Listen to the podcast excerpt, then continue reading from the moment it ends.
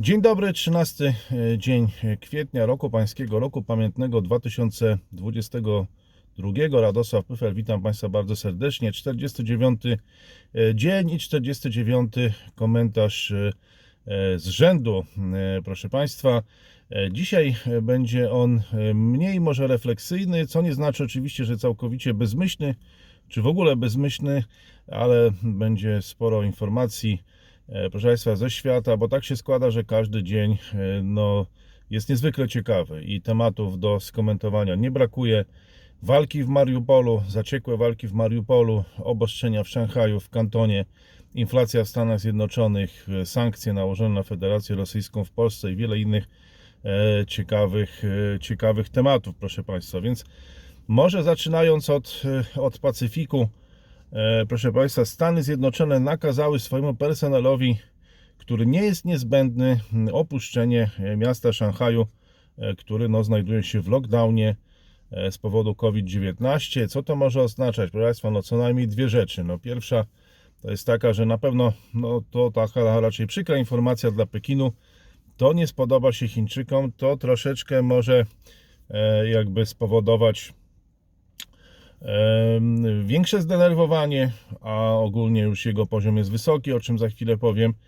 E, I to po pierwsze, a po drugie, być może Amerykanie nie spodziewają się, że ta sprawa w Szanghaju wyjaśni się szybko, więc raczej zakładają, że to jeszcze co najmniej parę tygodni potrwa. O tym to może, proszę Państwa, świadczyć. Tymczasem centrum produkcyjne w Kantonie, proszę Państwa, zamyka się w większości dla przyjezdnych e, i to zaczyna się dziać już w innych wschodnich miastach, więc mamy do czynienia no, z tym omikronem, który powoli zaczyna się rozprzestrzeniać. To jest ta obawa, którą ja wyraziłem wczoraj, czy uda się to ograniczyć do Szanghaju, bo jeżeli to pójdzie do innych miast, proszę Państwa, no to będzie, nie, będzie, e, będzie problem, ale to są w ogóle jakieś e, śladowe ilości w kantonie, to jest kilkadziesiąt przypadków, jeszcze będę o tym, o tym mówił, ale cały czas ta strategia zero COVID, cały czas strategia zero e, COVID. No i ona, proszę Państwa, bywa okrutna, bywa okrutna, bo na przykład zespół portowcy z Szanghaju, e, czyli Shanghai Port FC, e, to kiedyś to się nazywało chyba CIPC, taki CIPG chyba. E, Nawet byłem tam kilka razy na meczu, grali świetni Brazylijczycy, Oscar i Hulk e, oraz taki naturalizowany Brazylijczyk z chińskim paszportem. E, chyba Eduardo się nazywał jakoś tak, ale już nie, nie, nie, nie, pamiętam. E, Natomiast zostali wykluczeni z Azjatyckiej Ligi Mistrzów ze względu na obostrzenia covidowe. Nie mogą, proszę Państwa, latać na mecze do Tajlandii, Chiang Rai, Kobe w Japonii i Hongkong. To te trzy drużyny miały w grup, w, mie- e, ten klub miał w grupie i niestety nie będzie mógł na te mecze latać, więc ta grupa została zmniejszona do trzech drużyn. Na razie z drużyny z innych miast, między innymi z kantonu, w tej Lidze Mistrzów będą uczestniczyć, ale właśnie zobaczymy, jak to będzie w przypadku ze klubu z Guangzhou. E, Proszę Państwa, no stoimy u progu mm, dużego zamieszania w ogóle na rynkach światowych, bo rekordowe korki w chińskich portach mm, no, mogą zaburzyć te łańcuchy dostaw, ale jeszcze bardziej niż w czasie, niż w czasie, niż w czasie pandemii, bo już ta fala pandemii wywołała ogromne opóźnienia, ale tym razem w tych brakach dostaw, no może już nie będzie, będzie one, będą miały one inny charakter, bo wówczas to był nieograniczony, nieograniczony e, jakby popyt konsumentów z Europy i ze Stanów Zjednoczonych, z całego świata, a teraz już nie, więc, e, więc e, może to powoli zmieniać strukturę tych łańcuchów dostaw jeżeli te porty zostaną właśnie przez, e, przez COVID zablokowane. No i to, proszę Państwa, oznacza, że kształtuje się nowy ład globalny, nowe łańcuchy dostaw, nowa ich struktura.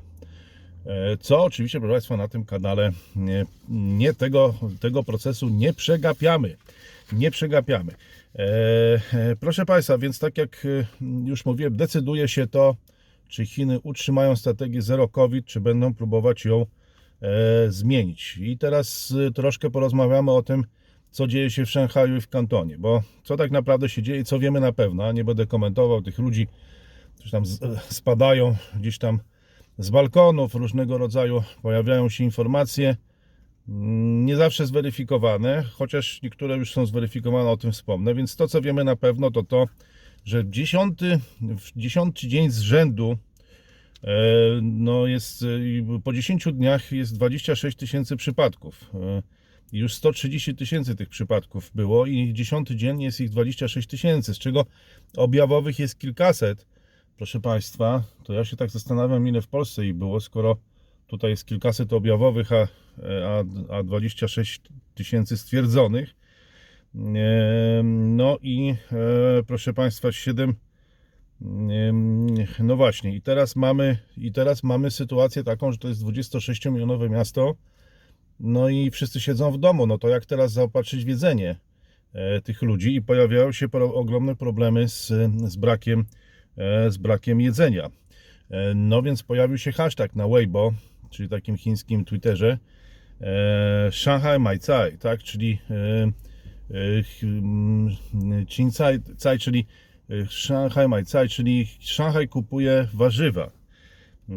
Tak, czy ale e, no, ale został ten hashtag usunięty, zablokowany, tak? E, Bo to wywoływało ogromną nerwowość i proszę Państwa, te kampanie logistyczne, czy te wszystkie aplikacje starają się dostarczyć tego jedzenia, ale ono szybko znika i trudno w ogóle je w internecie znaleźć. To jest e, ogromny problem. No i tak kulturowo rzecz biorąc, to czego Chińczycy się najbardziej boją, proszę Państwa, no to chaosu, ale też i głodu. I wielu z nich mówi, że nie możemy znieść tego, e, tego e, głodu. No głód to jest coś najgorszego, co może przytrafić się Chińczykom. Jak ktoś by chciał sprawdzić, to niech spróbuje przeciągnąć lunch z godziny 11.30, 12 gdzieś na 15. To zobaczycie Państwo, jak się będą zachowywać Wasi chińscy znajomi czy partnerzy, bo pora posiłku jest rzeczą absolutnie świętą, a teraz okazuje się, że nie ma co zjeść. No to można sobie wyobrazić, jak bardzo ludzie się zdenerwowali.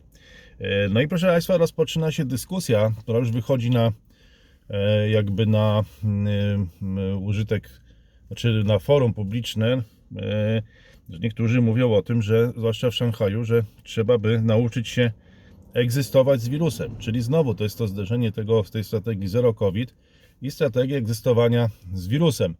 No, ona lepiej lub gorzej wychodzi w różnych krajach. Ja uważam, że w Polsce koegzystencja w ogóle wychodzi słabo, nie tylko z wirusem, ale w ogóle ze wszystkim. Eee, w- bo ona się przeradza w jakąś wielką em, debatę e, niekończącą się i takiej, w której, z której niewiele i nic czasami nie wynika, ale no zobaczymy, czy Chiny zdecydują się e, zdecydują się na to e, rozwiązanie. Mi się wydaje, że w przypadku Chin byłoby ono jeszcze byłoby bardzo trudne, no może nawet trudniejsze niż, niż e, znaczy właściwie no w Polsce to trudno powiedzieć, żeby było trudno, bo w Polsce nie może być innego. No więc to, to, to, to, to, to, to nie można by też, nie, nie da się tego porównywać i, i nie róbmy tego przynajmniej w tym komentarzu, bo zajęłoby to dużo czasu. E, Być może podobne dylematy mie- mieli urzędnicy w Szanghaju, ale trzech już z nich zostało zwolnionych, proszę Państwa, i mm, obwinionych jakby za, za to, że doszło do tego, mm, do tego, że powstało to ognisko epidemiologiczne. Mm, E, oczywiście ostra wymiana zdań, niezawodny Zhao Lijian, e, obserwujący zresztą na Twitterze, czyli rzecznik chińskiego ministerstwa, potępił oczywiście Stany Zjednoczone za nie mające żadnego związku z rzeczywistością oskarżenia, więc retoryka jest ostra, proszę Państwa, wilcza dyplomacja e, w natarciu. No ale co ciekawe, co ciekawe, proszę Państwa, również emerytowany redaktor Global Times, czy takiego jastrzębiego chińskiego pisma Hu Xijin, e, Hu Xijin, e, Hu Xijin, tak, który no, słynie z takiej ostrej retoryki, bardzo agresywnej, gdzie atakuje Stany Zjednoczone, NATO bardzo często, i to Państwo na Twitterze mnie oznaczacie, pytając się, co ja na ten temat myślę, no, że jak tak można i tak. No, to jest to jakby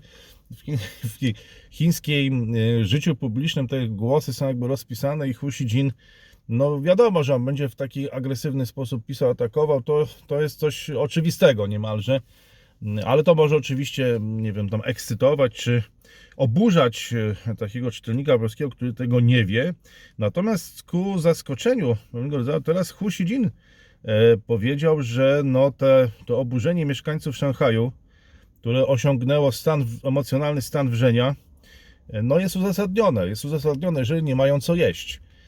E, I to jest też taki trochę deal, czy taki element, e, element dealu między władzą a społeczeństwem w Chinach, że no jest, że najważniejszą cechą jest stabilność, ale no mus- musimy dostać jeść, e, mamy, musimy mieć się w co ubrać, e, no i poziom życia, tak? I wtedy to jest harmonia, wtedy to jest stabilność. A tutaj troszkę w Szanghaju wygląda na to, że władze zostały tym zaskoczone i tego jedzenia nie ma, więc e, nawet na tym gruncie chińskim, oczywiście nie jedynie no tam z, jedynie słusznym w naszym zachodnim świecie liberalnym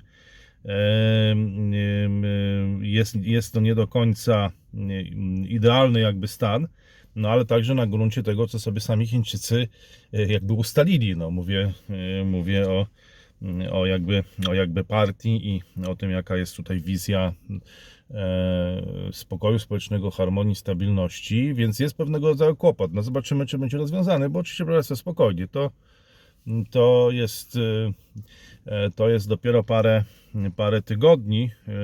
Różne bywały kryzysy, wszyscy się tym ekscytowaliśmy bardzo, no a potem one jakoś tam znajdowały rozwiązanie. No zobaczymy.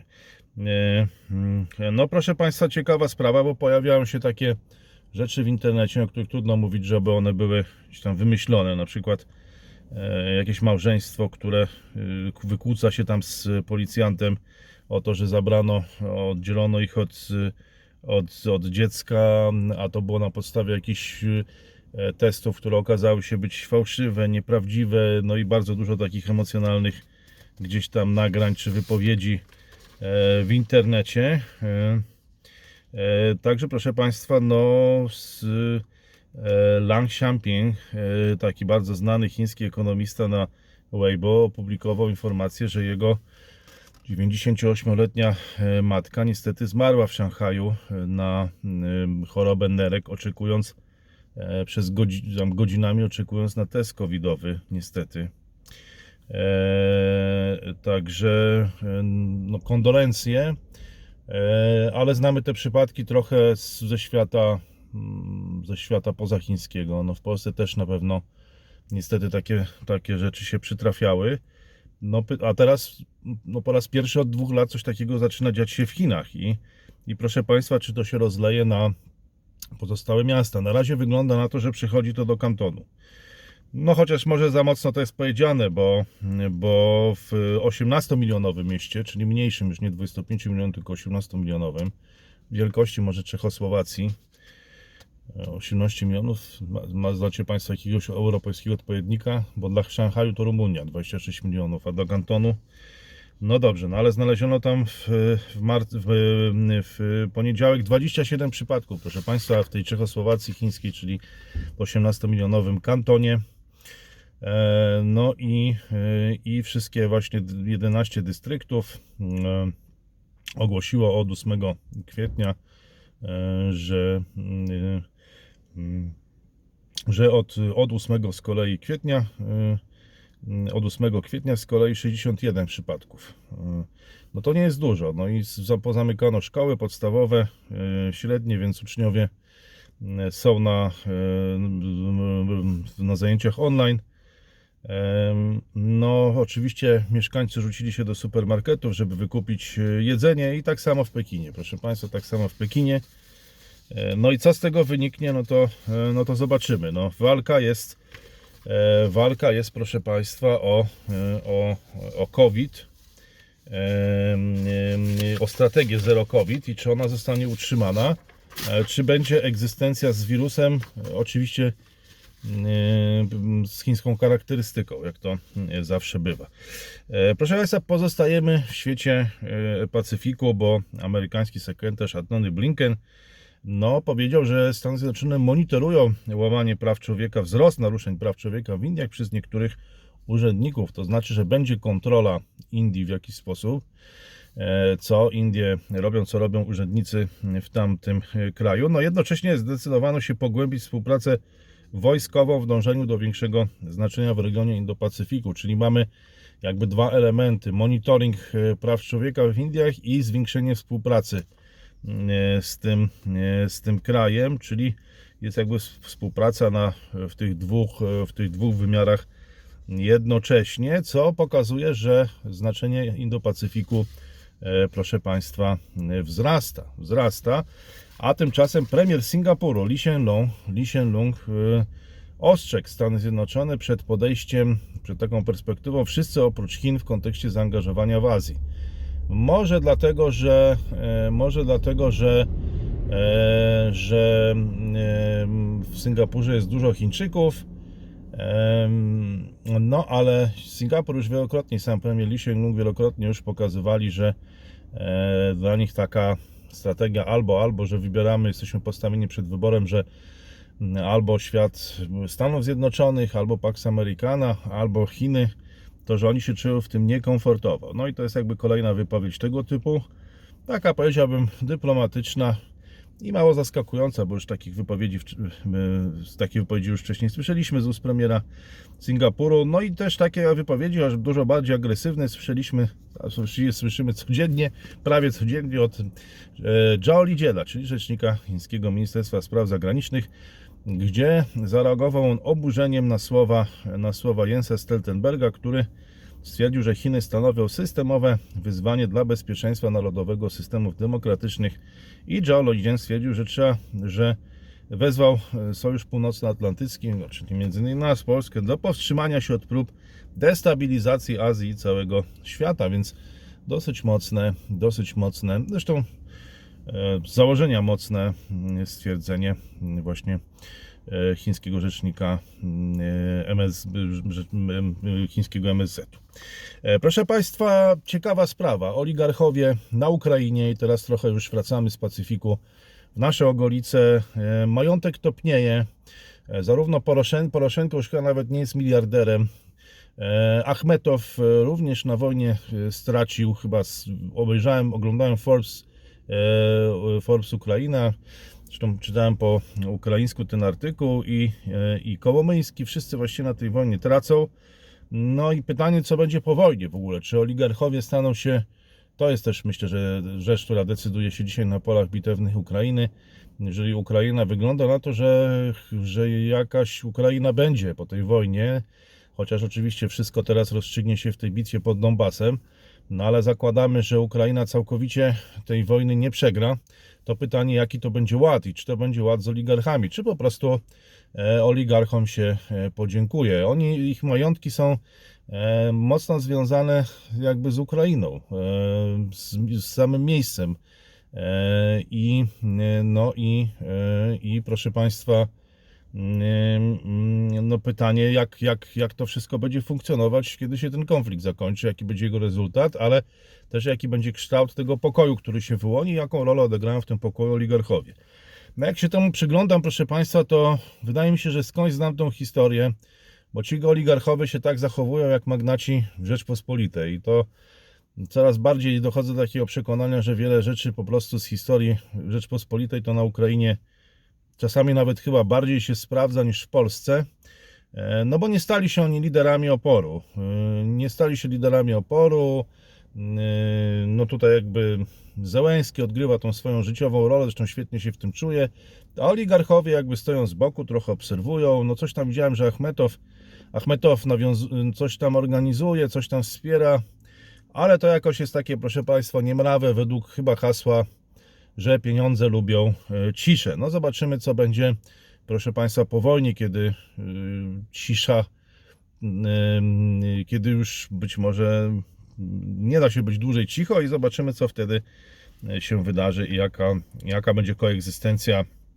Znowu słowo koegzystencja to e, dzisiaj e, słowo klucz e, dzisiejszego komentarza, jak to będzie wyglądać. Proszę Państwa, dla niektórych sprawa jest już wyjaśniona. Na przykład dla Wiktora Medwedczuka, czyli innego ukraińskiego oligarchy, który od, od lat, jak to bywa wśród magnatów czy oligarchów, no ten akurat, czyli są podziały różnego rodzaju, ten akurat jawnie wspierał Władimira Putina, no z którym podobno łączą go personalne więzi, bo e, bo prezydent Rosji jest ojcem chrzestnym jego córki e, Dariny. No, Miedwedczuk został oskarżony o zdradę stanu i osadzony w areszcie domowym, czyli taki lockdown, e, można powiedzieć, e, ale zbiegł z tego lockdownu e, z, e, po rosyjskiej inwazji, proszę Państwa. No i Ukraińcy oficjalnie poinformowali, że teraz go złapali, że udało się go schwytać. No, proszę Państwa, jak już się znalazł w ukraińskiej niewoli, no to może być to bardzo bolesne. Ukraińcy słyną e, z tego, że nie, no, nie, mają różne metody. Co ciekawe, dzie- dziennikarze portalu śledczego Śledztwo Info, czyli Śledztwo Info, e, niedawno dostali się na teren jego posiadłości, no i byli bardzo zdziwieni tym, co tam zobaczyli. E, Trwa, proszę Państwa, 40 dzień, jak już powiedzieliśmy na początku, inwazji Rosji na Ukrainę i Joe Biden stwierdził, że Władimir Putin jest dyktatorem. To akurat jest mało kontrowersyjne, zdarzały mu się znacznie bardziej ostre sformułowania, ale dodał w następnej części zdania, który dopuścił się ludobójstwa. E, Czyli jest to jednak ostra wypowiedź, kolejna ostra wypowiedź Joe Bidena pod adresem Władimira Putina. E, Biden wcześniej nie odnosił się do zbrodni popełnianych w Ukrainie w tak jednoznaczny sposób. Chyba nawet w Warszawie na Zamku Królewskim tego tak ostro nie zrobił, chociaż tam też było dużo ostrej retoryki. Natomiast sekretarz e, stanu USA Antony Blinken poinformował, że USA mają wiarygodne informacje, że Rosja może użyć broni chemicznej. Czy teraz już Amerykanie zaczynają o tym mówić, e, że może być użyta broń chemiczna podczas ataku na Mariupol? A tymczasem Wołodymyr Zełenski zaproponował Rosji wymianę jeńców, w ramach której wymieniony miałby zostać, proszę Państwa, kto? w Wiktor Medwedczuk, więc no jest, e, jest, e, no pojawia się jest jakieś duże prawdopodobieństwo, że w tej niewoli jakoś tam mu się dużo nie stanie. E, No jeżeli oczywiście Władimir Putin, który jest ojcem chrzestnym jego córki Dariny, zdecyduje się na to pójść i go na jakimś tam moście wymienić, proszę Państwa. No a tymczasem, proszę Państwa, rośnie, rośnie pozycja prezydenta Andrzeja Dudy i pojawia się szansa na napisanie jakiejś swojej legendarnej historii, bo dzisiaj rano zostaliśmy poinformowani poprzez PAP.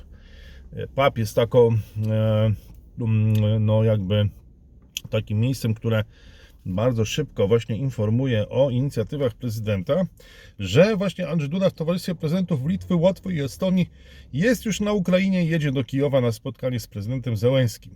E, I o tym poinformował szef prezydenckiego biura polityki międzynarodowej Jakub Kumoch właśnie za pośrednictwem papu, czyli nic nie było wiadomo o tej wizycie, już jak ona zaczęła trwać, jakby w trakcie tej wizyty o tym poinformowano, a ta, no to Towarzystwo Litwy, Łotwy Estonii, prezydentów tych krajów, czy czegoś to Państwu nie przypomina? Czy czegoś to Państwu nie przypomina? Tak, prawidłowa odpowiedź, proszę Państwa, TBDC i Plac Wolności. No i zobaczymy, czy teraz na Majdanie, na Chreszczatyku wystąpi prezydent Duda i też no, może powie coś, co przejdzie do historii.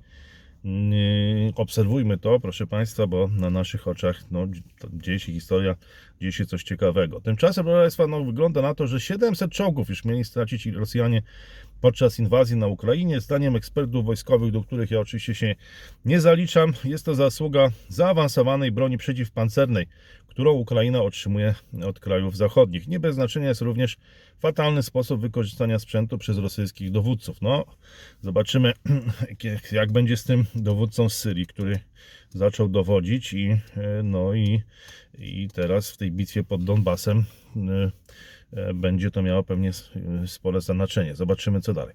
E, Coraz więcej, proszę Państwa, wskazuje na to, że Rosja może być o krok od całkowitego opanowania Mariupola, oblężonego południowego miasta portowego, które przez 6 tygodni przechodziło niszczycielski szturm. To jest w ogóle nieprawdopodobne, że to miasto się jeszcze cały czas opiera.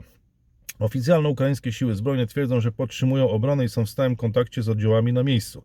Jednak przyznają, no a skoro nawet one przyznają, e, no to, to różnie może być, e, że jest prawdopodobne, iż Moskwa będzie próbowała przyjąć pełną kontrolę nad miastem, podczas gdy regionalny dowódca wspieranych przez Rosję separatystów twierdzi, że Mariupol jest bliski upadku. Wojska ukraińskie informują też, że kończy im się amunicja i uważają, że zostały zepchnięte do dwóch odizolowanych obszarów przylegających do wybrzeża. No, e, nawet mówią o tym, proszę Państwa, że za chwilę będą się bronić wręcz, że już nie mają z czego strzelać, więc będą się bronić wręcz, ale do samego końca, więc czy coś to Państwu przypomina?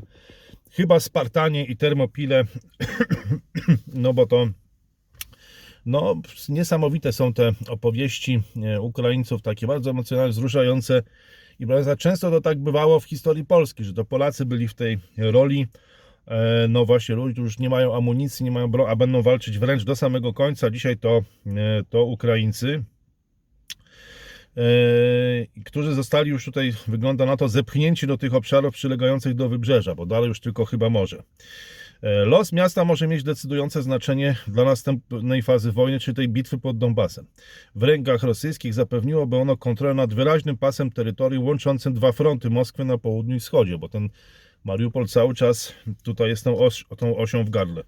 I umożliwiłoby to przemieszczenie dużej sił zbrojnych dałoby prezydentowi Putinowi moment strategicznego zwycięstwa po śmiertelnie chaotycznym pierwszym etapie inwazji. No jest pierwsza rzecz to morale, które są tutaj rzeczą bardzo ważną, a drugie no to wybicie tego korytarza, co, co Mariupol cały czas się broni. E, Tymczasem, proszę Państwa, Rosja planuje też atak na fabrykę stali Azovstal w Mariupolu. Ukraińskie wojsko tak poinfo- poinformowało w, w swojej najnowszej aktualizacji. Siły rosyjskie nadal bombardują kluczowe e, miasto, właśnie to portowe Mariupol i planują rozpocząć ofensywę w tej fabryce stali i tam podobno stacjonują ukraińskie wojska. Od kilku innych kwestii, na które zwróciło, kilka innych kwestii, na które zwróciło uwagę ukraińskie wojsko. Siły rosyjskie kontynuują uderzenia na infrastrukturę cywilną w obwodach charkowskim i zaporowskim w północno-wschodniej Ukrainie. Rosjanie prowadzą także aktywny rekonesans z powietrza. Rosyjskie siły ogłosiły tzw. żółty poziom zagrożenia terrorystycznego w regionach graniczących z Ukrainą i na Krymie. W aktualizacji spekuluje się, że ten poziom zagrożenia ma prawdopodobnie na celu zorganizowanie przemieszczania sprzętu wojskowego, broni i personelu na Ukrainie. E, siły rosyjskie wysłały tam 400 osób, w tym żołnierzy z doświadczeniem bojowym jako e, wsparcie. Ukraińskie wojsko z kolei zestrzeliło rosyjski odrzutowiec Su-25 i zniszczyło również dwa pojazdy i trzy systemy e, artyleryjskie rosyjskie w Doniecku i Ługańsku. No i proszę Państwa, teraz z pól bitewnych przechodzimy e, e, do świata rynków finansowych i zła wiadomość, chociaż niektórzy to się pewnie cieszą, jak to wszystko na rynkach finansowych jest względne, ale proszę Państwa, no myślę, że dla większości jednak zła wiadomość, że inflacja w USA osiągnęła 40-letni, 40-letni rekord w okresie od marca, po tym jak ceny, w okresie do marca, przepraszam, po tym jak ceny paliw wzrosły w pierwszym miesiącu wojny na Ukrainie. Ceny konsumenckie wzrosły o 8,5%, no czyli mniej więcej na podobnym poziomie chyba jak w, w Polsce. Polsce więcej chyba. Największy roczny wzrost od grudnia 1981 roku w wyniku, proszę Państwa, dwucyfrowego wzrostu cen energii. W ubiegłym miesiącu prezydent Biden zakazał importu ropy i gazu z Rosji w związku z inwazją na Ukrainę i w tym samym czasie ceny paliw w USA osiągnęły nowe rekordy. Atak na Ukrainę, który rozpoczął się 24 lutego, e, wywołał falę międzynarodowych sankcji przeciwko Rosji, a jest ona drugim co do wielkości eksporterem ropy naftowej na świecie i w tym czasie ceny energii w USA wzrosły o 32% w ciągu roku poprzedzającego marzec, jak podał Departament Pracy tego kraju, a w tym samym czasie ceny żywności wzrosły o 8,8%. E, Podobnie jak w przypadku energii, także inflacja cen żywności no, była wynikiem, efektem, ten wzrost tej inflacji, wzrost tych cen był efektem e, inwazji Rosji na Ukrainę, bo oba te kraje są dużymi eksporterami powszechnie używanych w przemyśle spożywczych towarów, takich jak pszenica i olej słonecznikowy, o czym ci z Państwa, którzy są rolnikami, jednocześnie widzami tego kanału świetnie, świetnie wiedzą. E, No to teraz przejdźmy z e, branży spożywczej, od pszenicy i oleju słonecznikowego e, do, proszę Państwa, diamentów. Do diamentów, bo tam USA nałożyły sankcje na rosyjskiego giganta e, wydobywającego, wydobywającego diamenty właśnie, czyli firmę Alroza. No i wartość rynkowa tej firmy już spadła o 119 miliardów rubli w ciągu 5 dni, a największe firmy jubilerskie światowe przestały sprowadzać właśnie krwawe diamenty z Rosji. Wygląda na to, że że zachodnie rynki, e, e, co przynajmniej amerykańskie, na pewno są zamknięte dlatego dla wyrobów e, tej spółki. To cios dla Władimira Putina, bo dla niego podobno Alrosa jest jedną z najważniejszych e, firm, proszę Państwa. A tymczasem Wielka Brytania i USA ogłaszają, że będą działać coraz kolejne ogłaszania, kolejne ogłoszenia oświadczenia dotyczące zwiększania presji gospodarczej na Rosję oraz zakończenie zależności Zachodu od rosyjskiej ropy i gazu. Tak, we wtorek przekazało biuro e, brytyjskiego premiera Borisa Johnsona po jego rozmowie z prezydentem Joe Bidenem. Oba kraje zapewniają również o dalszym wsparciu militarnym i ekonomicznym Ukrainy. No, z kolei, proszę Państwa, okazuje się, że nie tak łatwo spotkać się z Wołodymirem Zełęskim, Może dzisiaj uda się to prezydentowi Andrzejowi Dudzie, ale chyba, przepraszam, nie uda się prezydentowi Niemiec Frankowi Walter- Walterowi Steinmeierowi, y, który planuje wizytę na Ukrainie, ale Wołodymyr Zelenski powiedział, że obecnie nie chce się z nim spotkać. Tak przynajmniej twierdzi Bild, y, powołując się na informacje z ukraińskich kręgów e, rządowych. Nie chce się z nim spotkać, bo uważa, że jest nieobiektywny y, w tym sensie, że sprzyja sprzyja w jakiś, w jakiś sposób Federacji Rosyjskiej, Władimirowi Putinowi.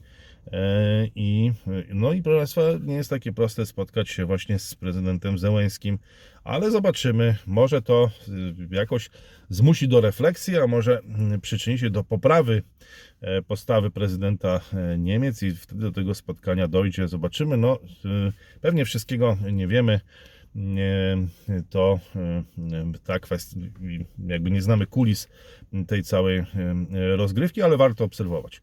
Proszę Państwa, rozmowy pokojowe z Ukrainą z kolei doszły do ślepego załuka, tak twierdzi, stwierdził Władimir Putin i tu przenosimy się na drugą stronę Eurazji, bo e, on wypowiedział te słowa w kosmodromie, proszę Państwa, Wastocznej, czyli wschodnim kosmodromie na dalekim wschodzie Rosji, gdzie, proszę Państwa, odnalazł się, odnalazł się właśnie, kto się tam odnalazł? Odnalazł się prezydent Białorusi Aleksander Łukaszenka, więc krążyły te wojska gdzieś tam na granicy z Ukrainą, nie mogły e, znaleźć tego terytorium ukraińskiego, a Aleksander Łukaszenka jakoś sobie poradził i dotarł do kosmodromu Wastocznej na Dalekim Wschodzie rosyjskim i tam właśnie e, rozmawiano z Władimirem Putinem, który mówił, że to ślepy zaułek. Te rozmowy donikąd nie prowadzą. Rosyjska inwazja będzie kontynuowana, a będzie kontynuowana dlatego, że Kijów oskarżył Moskwę o sabotowanie negocjacji. Natomiast masakra w Buczy, którą tak się cały świat przejął, to po prostu zwyczajne fake newsy, tak w skrócie powiedział Władimir e, Putin podczas wspólnej konferencji prasowej właśnie w tym kosmodromie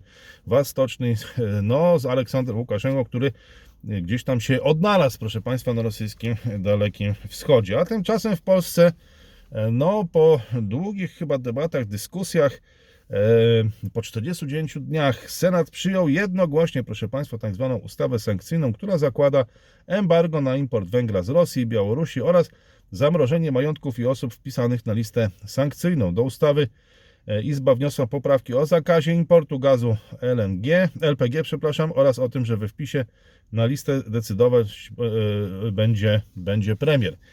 O, premier, no czyli wzrasta władza e, premiera, bo on będzie decydował o tym, kto się na tej liście e, znajdzie. Tam była kwestia chyba, że taką listę opracowała już Unia Europejska. Nie, nie wiem teraz, czy ona będzie korygowana przez premiera, czy będą dodawane nowe nazwiska, czy po prostu premier e, sam to, e, sam będzie o tym decydował. Musiałbym zajrzeć do tej ustawy, jeśli ktoś z Państwa ją zna, no to prośba może o wy- wypowiedź w komentarzu. E, No, premier, który będzie na tą listę wpisywał, być może wykreślał również, albo całkowicie układał, mówi, że skoro Unia pomogła Turcji przy poprzednim kryzysie z uchodźcami, to teraz powinna pomóc i Polsce.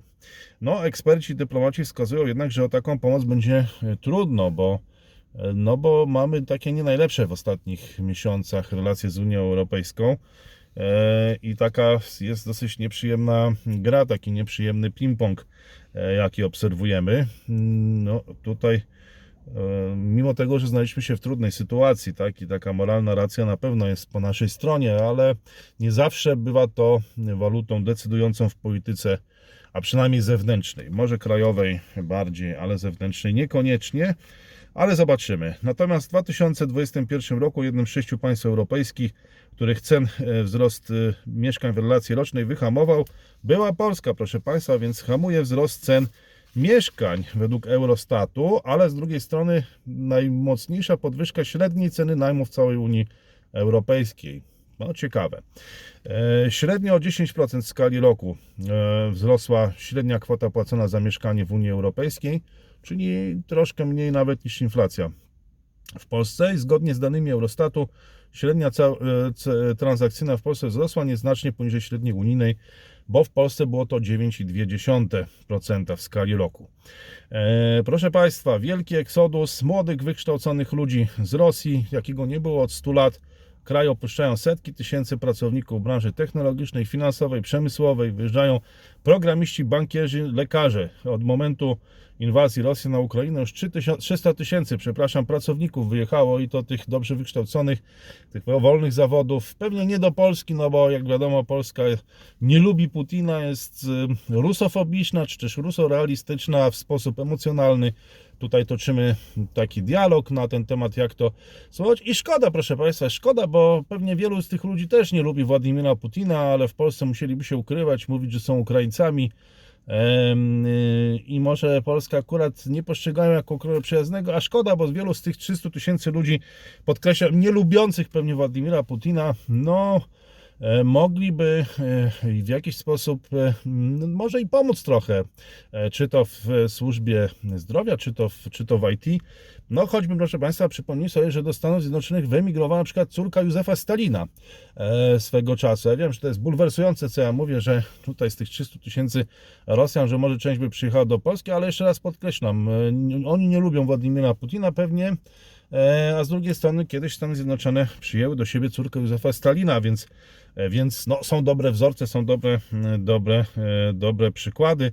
E, No, ale być może właśnie ta rusofobia albo też rusorealizm e, z polską charakterystyką, czyli bardzo e, emocjonalny, być może jest tutaj pewnego rodzaju przeszkodą, ale, ale jestem ciekaw Państwa komentarza, Państwa opinii e, odnośnie tej kwestii. E, Ale zupełnie inaczej jest z Ukraińcami, proszę Państwa, bo ci, choć chętni do pracy w Polsce, to deklarują, że wrócą do siebie, wrócą do swojego kraju, kiedy będzie w nim e, bezpiecznie. To pokazuje raport uchodźcy z Ukrainy w Polsce. Aż 53% z nich, proszę Państwa, ci, którzy są teraz tutaj w Polsce, w naszym kraju, e, którzy po 24 lutego zbiegli, uciekli do Polski, może pochwalić się wyższym wykształceniem, a 8% z nich jest w trakcie studiów. Więc nawet może i szkoda, że będą wracać. No ale co mieliby tu robić też, tak? No więc jeżeli jadą, e, jadą do siebie, e, chcą wrócić do siebie, myślą o powrocie do siebie, no zobaczymy, to też jest ciekawe. E, A tymczasem, proszę Państwa, Senat jednogłośnie przyjął bez poprawek nowelizację ustawy o pomocy obywatelom Ukrainy, która ma m.in. usprawnić rejestrację ukraińskich uchodźców w systemie PESEL.